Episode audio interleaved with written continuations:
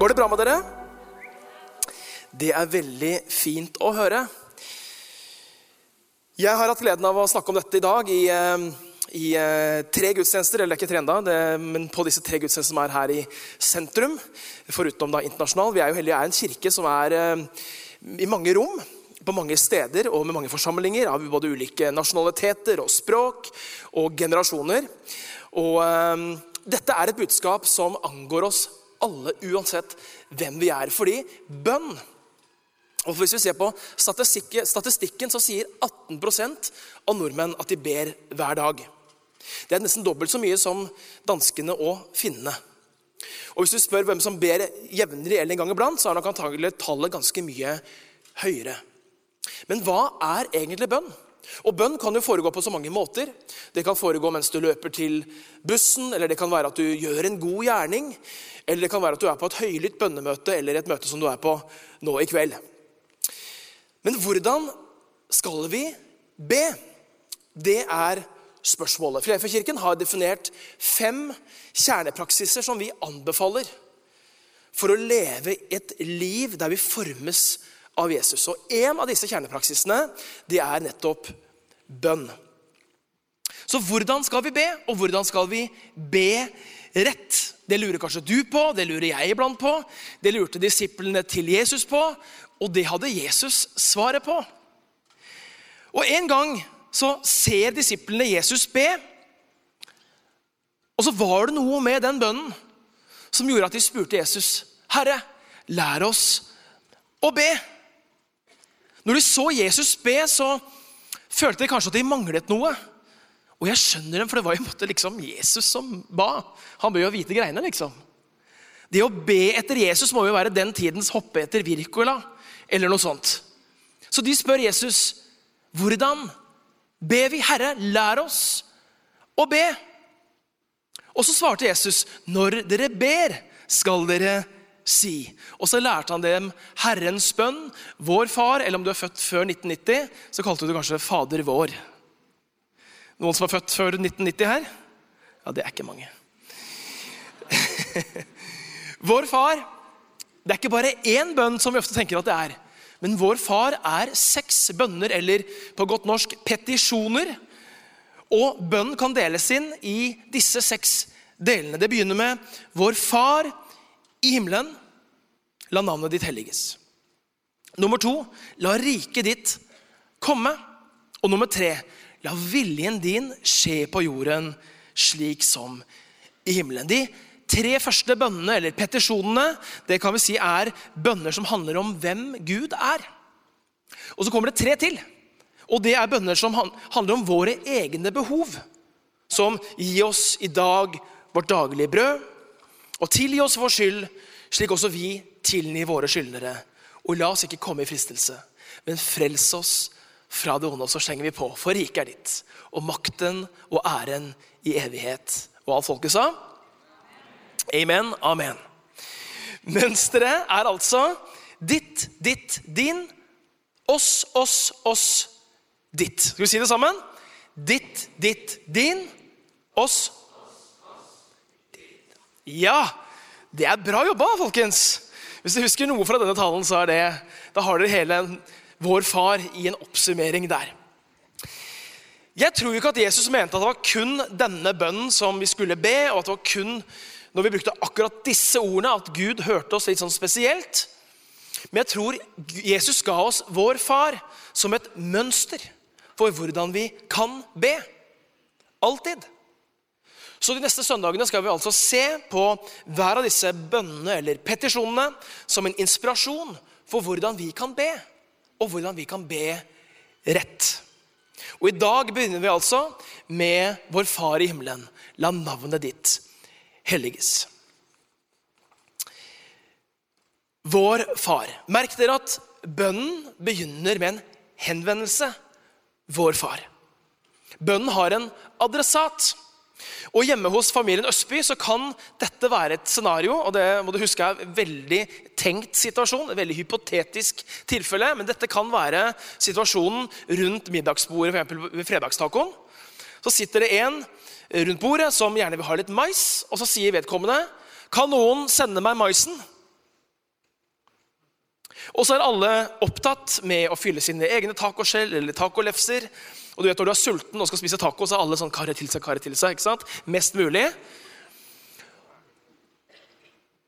Og så tenker alle at ja, men det er sikkert noen andre som kommer denne personen til unnsetning og sender maisen.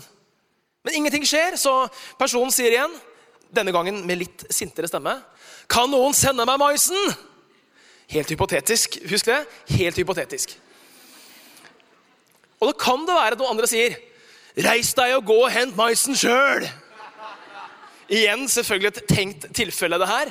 Men det oppstår jo da et, en situasjon og en konflikt. Det den som ønsket mais, burde gjort, var jo å si og henvende seg med navn til den som satt nærmest maisen, og sagt, 'Mamma, pappa, Mariann, David, Lukas, Julian, Matheo, kan du sende meg maisen?' Da ville den som ble adressert, gjort det den ble bedt om å gjøre. Og når Jesus lærer oss å be, så begynner det med en henvendelse til en konkret person. Vår far. En adressat. Nå tror jeg ikke at dette er et magisk formular, at du må be og begynne enhver bønn med 'Vår Far' for at Gud skal høre. Absolutt ikke. Men det hjelper oss til å vite hvem vi ber til. Og når vi vet hvem vi ber til, så kan vi vite hvordan vi forholder oss til Gud, og hva vi kan forvente av Gud. Så når Jesus lærer oss å be 'Vår Far', så sier det oss minst to ting. Det første at det sier noe om hvem Gud er. Altså hans karakter, hva som kjennetegner Gud. Og hva vi dermed kan forvente når vi henvender oss til ham. Vi kunne brukt mange navn på Gud, og Bibelen har mange navn, forskjellige navn på Gud. Masse navn vi kunne brukt. Men jeg tror det er et poeng at det er akkurat far som brukes her. For noen av de karaktertrekkene vi finner i Bibelen ved Gud som far, er at han er kjærlig. Han hører når vi ber. Han gir sine barn gode gaver når de ber om det. Og han er rik på nåde og sen til vrede. Når vi vet hvem vi ber til, så vet vi også hva vi kan forvente når vi ber. Det andre vi lærer, det er at det sier noe om hvem vi er. Far er et relasjonelt ord, kanskje et av de mest intime ordene vi har i det norske språket. Et ord som sier noe om slektskap, identitet. Og Gjennom Jesus så sier Bibelen at vi har blitt adoptert inn i Guds familie ved troen på ham. Så om Gud er Jesu far, og Jesus har blitt vår bror, ja, da har Gud blitt vår far. Så vi ber ikke til hvem som helst. Nei, vi ber til en far. Og Jeg sier dette vel vitende om at vi har veldig forskjellig erfaring av det å ha, eventuelt ikke ha, en far i livet. Jeg har vokst opp med en far som jeg vil si har vært en god far. Og det preger jo mitt forhold til ordet far, eller til Gud som far. Men om du er her inne som har en annet forhold til enten en far som ikke har vært god, eller har vært fraværende, eller ikke vært der i ditt liv av ulike årsaker, så har jeg stor forståelse for den smerten som du bærer på i forbindelse med det. Men likevel så er det sånn at Jesus han bruker ordet far i denne bønnen. Og jeg tror det er en grunn til det. For det betyr at vi ikke først og fremst trenger å imponere Gud eller ta på oss en maske for å be til ham. Det er vel få mennesker vi er så ufiltrerte og direkte med som våre egne foreldre. Og skal vi se, si det på en annen måte, så kan vi si at bønnen ikke begynner med hva vi gjør, men bønnen begynner med hvem vi er. Og er ikke det gode nyheter for ditt bønneliv, så vet ikke jeg hva jeg kan si altså for å gi deg bedre nyheter enn det.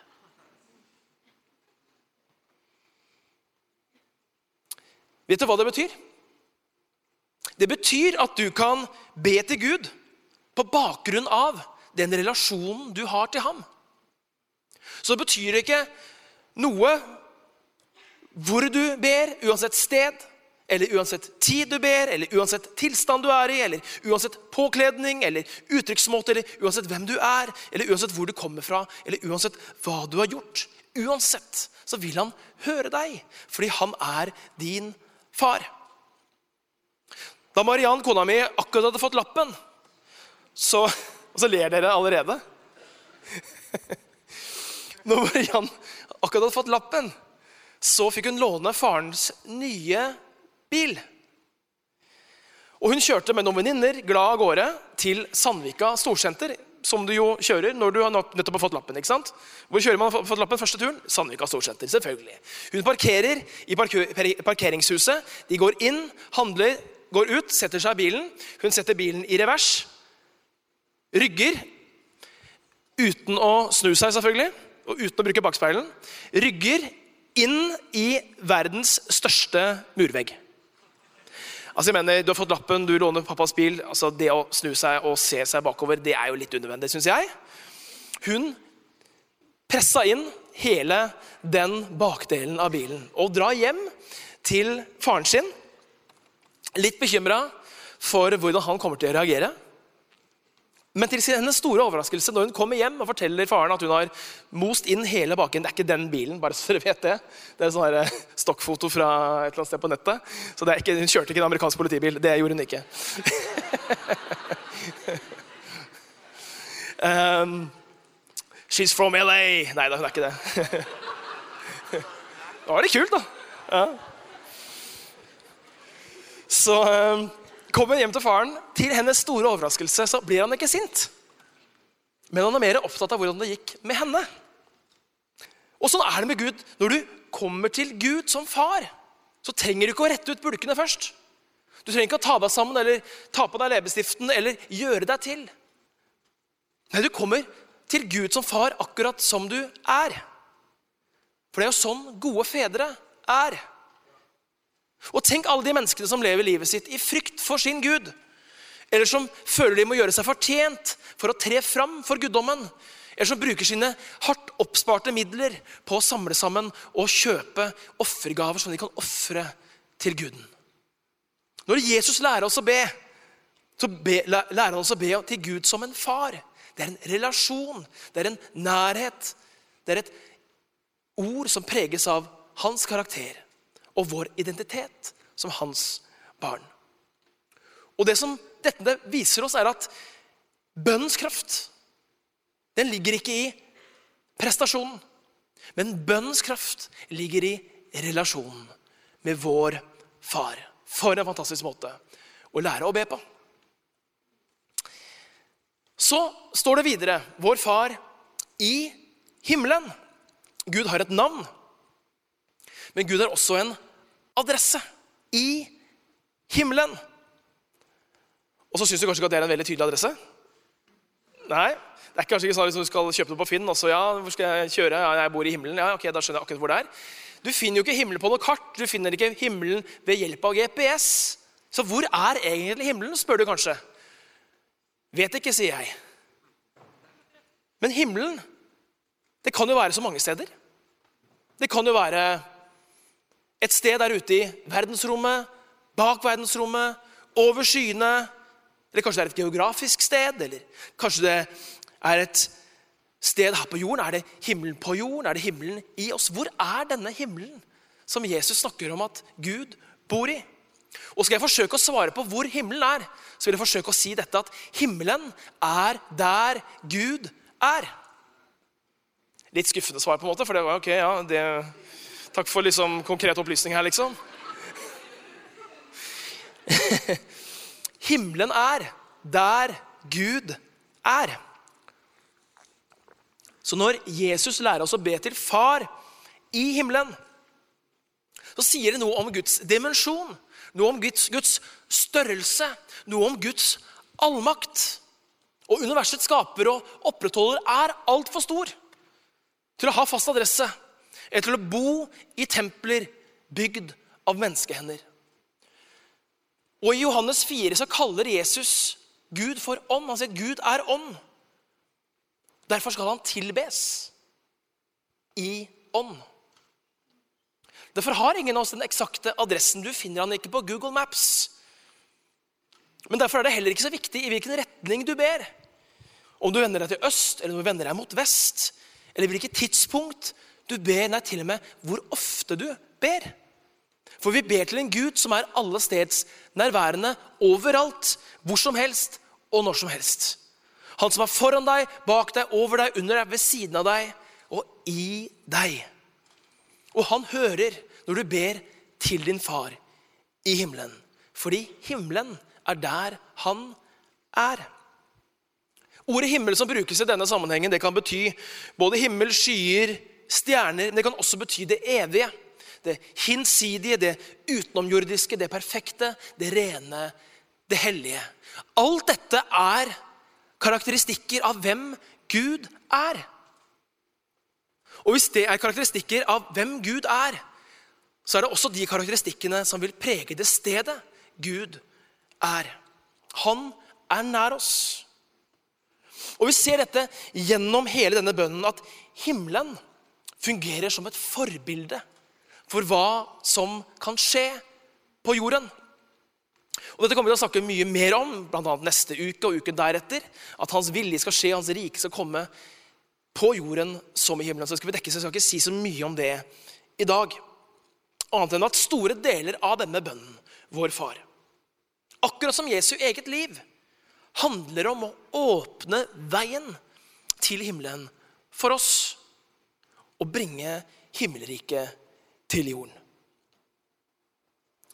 Og så lærer Jesus oss å be videre La navnet ditt helliges. Salme 104 sier, 'Kom gjennom portene hans med takkesang, inn i forgårdene med lovsang'. Og Det bildet salmisten bruker her, det er et bilde fra tempelet i Jerusalem. Der var det et, en fysisk port som han gikk igjennom for å komme inn til tempelet og inn til tempelplassen, da man kunne ofre og be og få tilgivelse for syndene. Og før man skulle ofre eller gjøre noe som helst, så begynte det altså med tilbedelse. Så når Jesus lærer oss å be, så begynner det med tilbedelse. Tilbedelsen av Guds navn. I tidligere tider så var jo betydningen av et navn mye viktigere når et barn fikk navn, enn det er i dag. Vet ikke hvor mange av dere som vet hva navnet deres betyr. Sikkert en, en god del, men kanskje ikke alle heller. Og navnets betydning har veldig lite å si for hvorfor foreldre velger å gi barnet sitt akkurat det navnet. Noen har kanskje navn basert, eh, oppkalt etter eller oldeforeldre eller, eller, forfedre. Og da har man kanskje gjerne et, et visst forhold til det navnet fra før. Og jeg heter David, eh, og pappa heter David. Det er jo veldig upraktisk. Så ikke kall barnet ditt akkurat det samme. Men de slang på da André, altså andre. David andre. Skjønte den? Smart. Så, så, eh, det er en mulighet da, hvis du liksom har, kaller sønnen din det samme som deg, så kan du slenge på bare en andre, og så blir det David den andre. Men stort sett så velger vi da et navn som klinger fint eller som passer det imaget som mor og far ønsker at det barnet skal ha. It's funny because it's true. For eksempel vår yngste Matheo han er oppkalt etter en kafé i Gøteborg. Eh, og Marianne og jeg var på vår liksom, siste tur før han kom, og før liksom, livet bare lå i grus og vi hadde tre barn. liksom. Så dro vi til Gøteborg. Selvfølgelig drar vi til Gøteborg når man skal eh, virkelig liksom, få det siste ut av livet. Eh,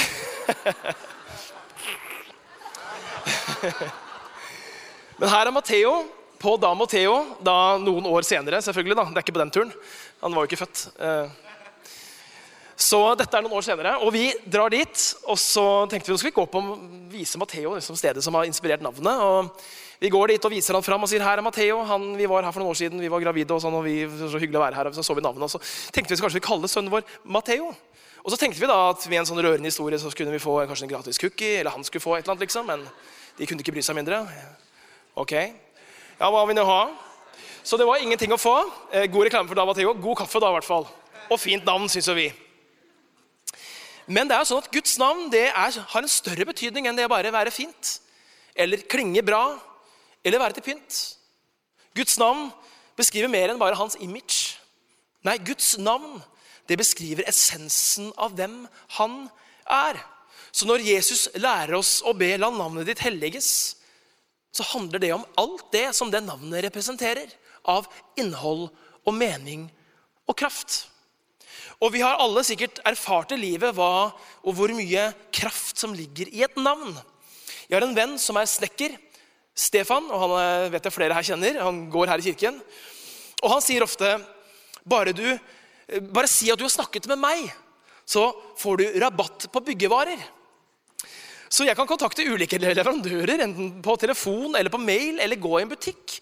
Og bare når jeg skal betale og sier navnet Stefan, så får jeg rabatt. Det er jo fantastisk. Og så sparer jeg hundrevis av kroner takket være navnet Stefan. Og Jeg kunne stått der på Byggmax og sagt liksom ja, skal hilse fra Unni. Det hadde ikke betydd noen ting. Jeg hadde ikke fått en rabatt, jeg hadde ikke fått en krone avslag. Skal hilse fra Lars. Okay, hva betyr det? Skal hilse fra Stefan. Ah, Stefan! Ja, så klart du skal få rabatt. 10% 20% 60% whatever. Kommer alle til å spørre Stefan om de, eh, de rabattene hans. Det hadde ikke hjulpet om jeg hadde kommet med et annet navn enn Stefan. For det er bare Stefan som kan utløse den rabatten. Derfor er det ikke likegyldig hvilket navn vi helliger. For Guds navn representerer Guds karakter. Det representerer Guds kraft. Den kraften til å forvandle. Og når hans navn blir helliget, så vil også hans karakter bli synlig, og så vil hans kraft bli forløst. Vi kan oversette 'helliges' med 'opphøyes', 'æres' eller 'gjøres stort'. Og For å forstå dette så skal jeg bruke et lite bilde her. Det er jo to, det er flere måter, men det er i hvert fall to måter å forstørre noe på. Den ene måten å forstørre noe på er ved å bruke et mikroskop. Og et mikroskop kan få noe ganske lite til å se ganske stort ut. Som dette. Vet dere hva dette er for noe? Lus. Det kunne vært lus. Midd, ja. Husmidd. Og Har du en sånn passe fuktig og passe varm seng, så har du 1,5 millioner av dem i senga di hjemme. Det er ikke meningen å ødelegge nattesøvnen, det er bare faktum. Men hvem hadde vel brydd seg om midd dersom ikke det var noe som het mikroskop? Folk har levd med midd i århundrer, men vi har aldri tenkt på at det er midd i senga. Tenk før i gamle dager, da. Apropos lopp, lopp, lus, altså lopp, lopper og lus og midd. Midd var jo det minste du kunne bekymre deg for. Hæ? Ingen tenker på midden fordi at du må ha et mikroskop for å se den. Og det et mikroskop gjør, det er jo at den forstørrer noe som egentlig er ubetydelig og veldig lite. Så vi ser det.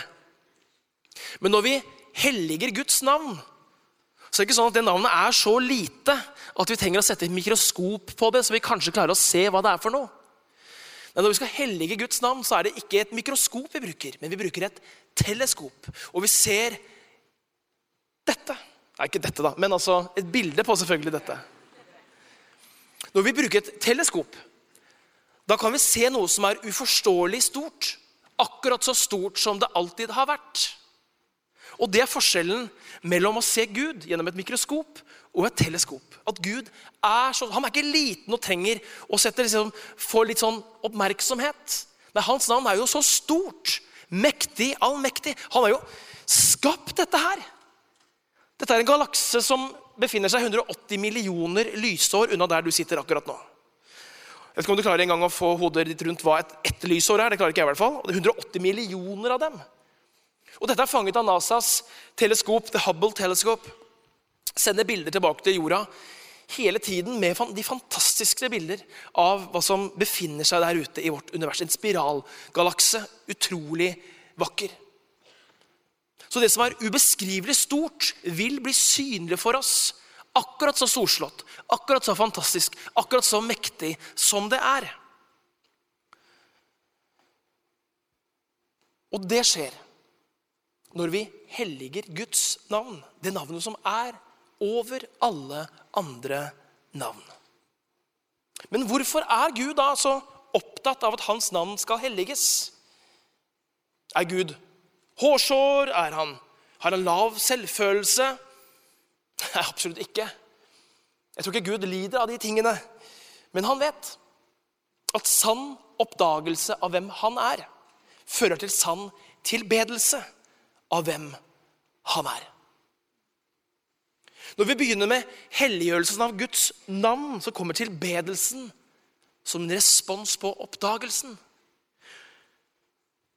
Og hvis ikke vår tilbedelse av Gud har sin rot i oppdagelsen av Gud, så er det lett å komme inn i en gudstjeneste som, dette med kaffekoppen i den ene hånda og skolebolla i den andre. Jeg vet ikke hva du spiser. Og så tenker du når du kommer inn i dette rommet, Gud, hva kan du gi meg i dag?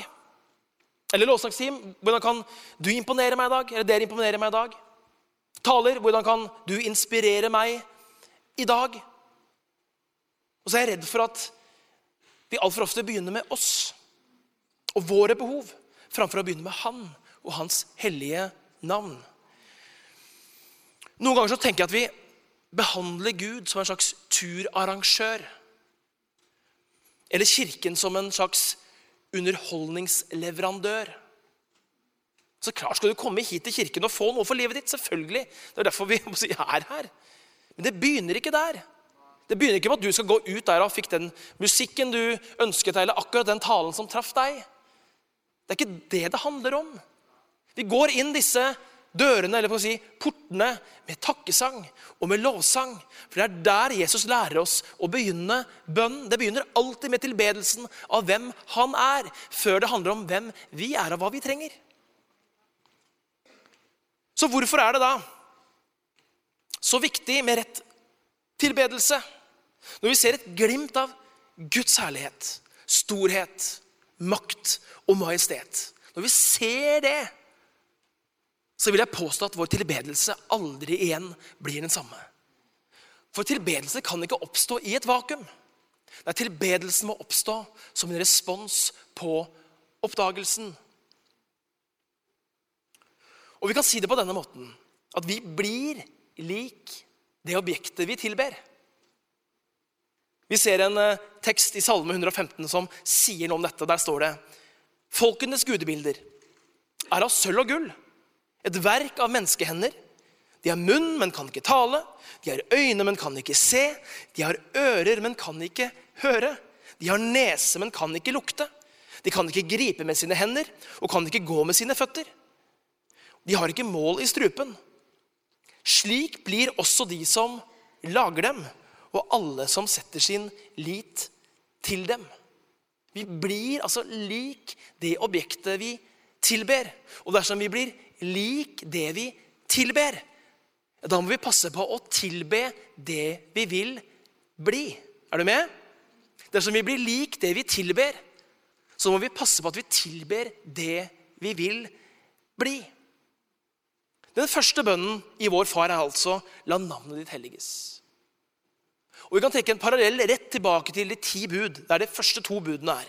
Du skal ikke ha andre guder enn meg, og du skal ikke misbruke Guds navn. Og er det som meg, som har vokst opp i en frikirkelig sammenheng, så tenker du at det å misbruke Guds navn det handler om å ikke banne? Nei, det er mye mer enn det. Tro meg. Misbruk av Guds navn det var israelittenes grunnleggende problem gjennom hele Det gamle testamentet. Og hvordan misbrukte de Guds navn? Jo, israelittene var Guds folk. Og da de gjorde urett, gjorde opprør, gjorde ondt, var urettferdige, undertrykte de fattige og svake, ja, da ødela de ikke bare for sitt eget navn, men de dro Guds navn ned i søla. Så folk begynte å snakke og si at den guden de tror på, åssen gud er det? De som representerer han. Og Gjennom profeten Esekiel så adresserer Gud dette og dette grunnleggende problemet. Han sier overalt hvor de kom blant folkeslagene, vanhelliget de mitt hellige navn. For det ble sagt om dem, dette er Herrens folk. Og så la Gud til, jeg beskytter mitt hellige navn. Og Det er derfor Jesus lærer oss å be. La navnet ditt helliges. Merk at det er ikke vi som skal hellige dette navnet. Men det er Gud selv som skal hellige sitt navn. Og hva sier det egentlig? Jo, det sier at Gud egentlig ikke trenger oss til å være Gud. Han står ikke opp om morgenen og tenker at i dag så åh, kjenner jeg ikke så mye Gud i dag. Jeg. Og så trenger han litt lovsang fra oss, eller sette på litt lovsang fra Hilsung eller Frefakirken. eller noe sånt. Og så får han litt sånn boost, og så ja, ja, nå er jeg tilbake til min, meg selv igjen her. Nei, Han trenger ikke vår lovsang. Han trenger ikke noe, for det er jo det som er å være Gud. Er du Gud, så har du ingen behov. Er du Gud, så er du komplett. Da har du ikke noe behov som ikke er fylt. Og så har han gjort det sånn at overalt hvor vi snur oss, så er det lovsang som pågår hele tiden. Vi sang den første sangen i dag om ikke vi tilber, så tilber skaperverket for oss. Det er altså sånn at Gud har fiksa det sånn at han er ikke avhengig av om du tilber eller ikke. For det pågår lovsang og tilbedelse i himmelen og på jorden dag og natt. Det er bare å gå ut i naturen og se det. Alt som blomstrer og spirer til Guds ære. Som gjør det de er skapt til å være. Vakkert, storslått og et bilde av hvem Gud er. Når profeten Jesaja får et glimt inn i himmelen, så så han Gud på en trone omgitt av serafer. Og det står De ropte til hverandre. Hellig, hellig, hellig er Herren Sebaot. Hele jorden er full av hans herlighet. Så du trenger ikke å synge en sang. Du trenger egentlig ikke å be en bønn for at han skal være Gud. Og noen ganger så oppfører vi oss som om vi bærer Gud på våre skuldre. At hans navn har kommet, liksom, fått litt dårlig renommé. Det skrives litt dårlig om kristne i avisen, det snakkes litt dårlig om Gud. og Det er så få som tror på han for tiden. og Kirken går ned i medlemstall, og alle piler peker nedover. Ja, Det kan man på mange måter si hvis man ser på statistikken. Men så er det da heldigvis ikke ditt og mitt ansvar å redde det. Det er en ganske stor jobb. Det vi kan gjøre, det er at vi kan be Gud om at han må gjøre sitt navn kjent. At han må hellige sitt navn. At han skal åpenbare seg for mennesker, så mennesker ser Gud som han er, i all sin prakt og ære og herlighet. Og sånn at det som skjer i himmelen, også skal skje på jorden. Så når vi ber denne bønnen, så er det som å se Gud gjennom et teleskop. Og den oppdagelsen vi gjør av hans storhet og godhet, det blir igjen drivstoff for bønn og for tilbedelsen. Så til slutt Jesus han lærer oss å be. Og han har gitt oss vår far som et mønster for hvordan vi kan be. Og Mønsteret er nemlig følgende at før vi kommer drassende med vårt, så anerkjenner vi hvem Gud er. Og jeg tenker Det er som en bunke med papir. Jeg vet ikke om dere har noe papir liggende på en pult eller et kommode eller et bord. I fall en sånn bunke hjemme, og så kommer det en viktig brev eller en regning eller et inkassovarsel. Ja, det hender det kommer. Eh, så legger jeg det på pulten.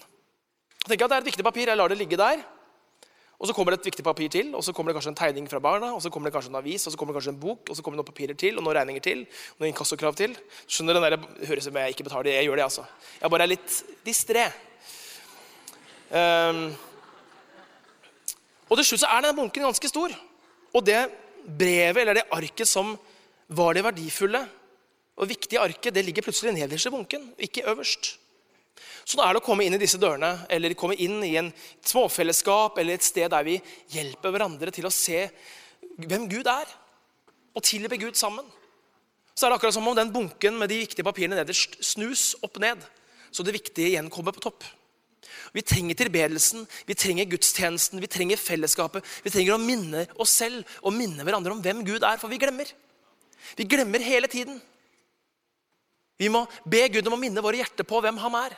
Så vi ser hvem han er, og så vi husker det vi allerede har hørt eller sett av ham. For vi glemmer så lett.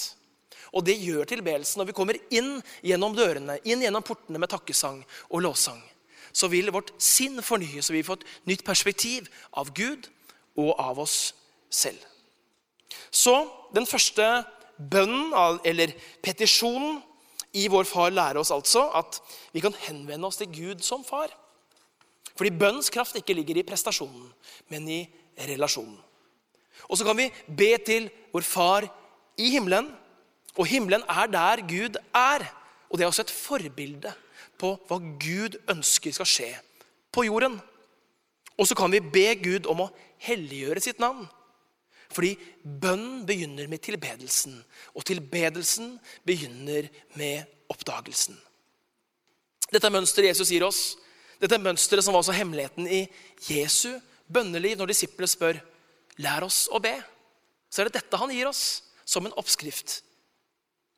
Ikke som noe du må gjøre helt slavisk, men som du kan inspirere deg til å bruke i ditt bønneliv, i dine situasjoner eller med dine egne ord. Og når Jesus, Guds egen sønn, hadde behov for å be til sin far, hvor mye mer skal da ikke vi be til Gud, vår far? Skal vi reise oss opp og avslutte med å lese eller be Herrens bønn sammen? Og vi ber i Jesu navn. Vår Far i himmelen. La navnet ditt helliges. La riket ditt komme. La viljen din skje på jorden slik som i himmelen. Gi oss i dag vårt daglige brød, og tilgi oss vår skyld, slik også vi tilgir våre skyldnere. Og la oss ikke komme i fristelse, men frels oss fra det onde. For riket er ditt, og makten og æren i evighet. Amen. Du har nå hørt en podkast fra Filadelfia-kirken i Oslo. Vil du vite mer om oss, gå inn på filadelfia.no. Og ikke minst velkommen til å feire gudstjenester med oss hver eneste søndag, enten fysisk eller online.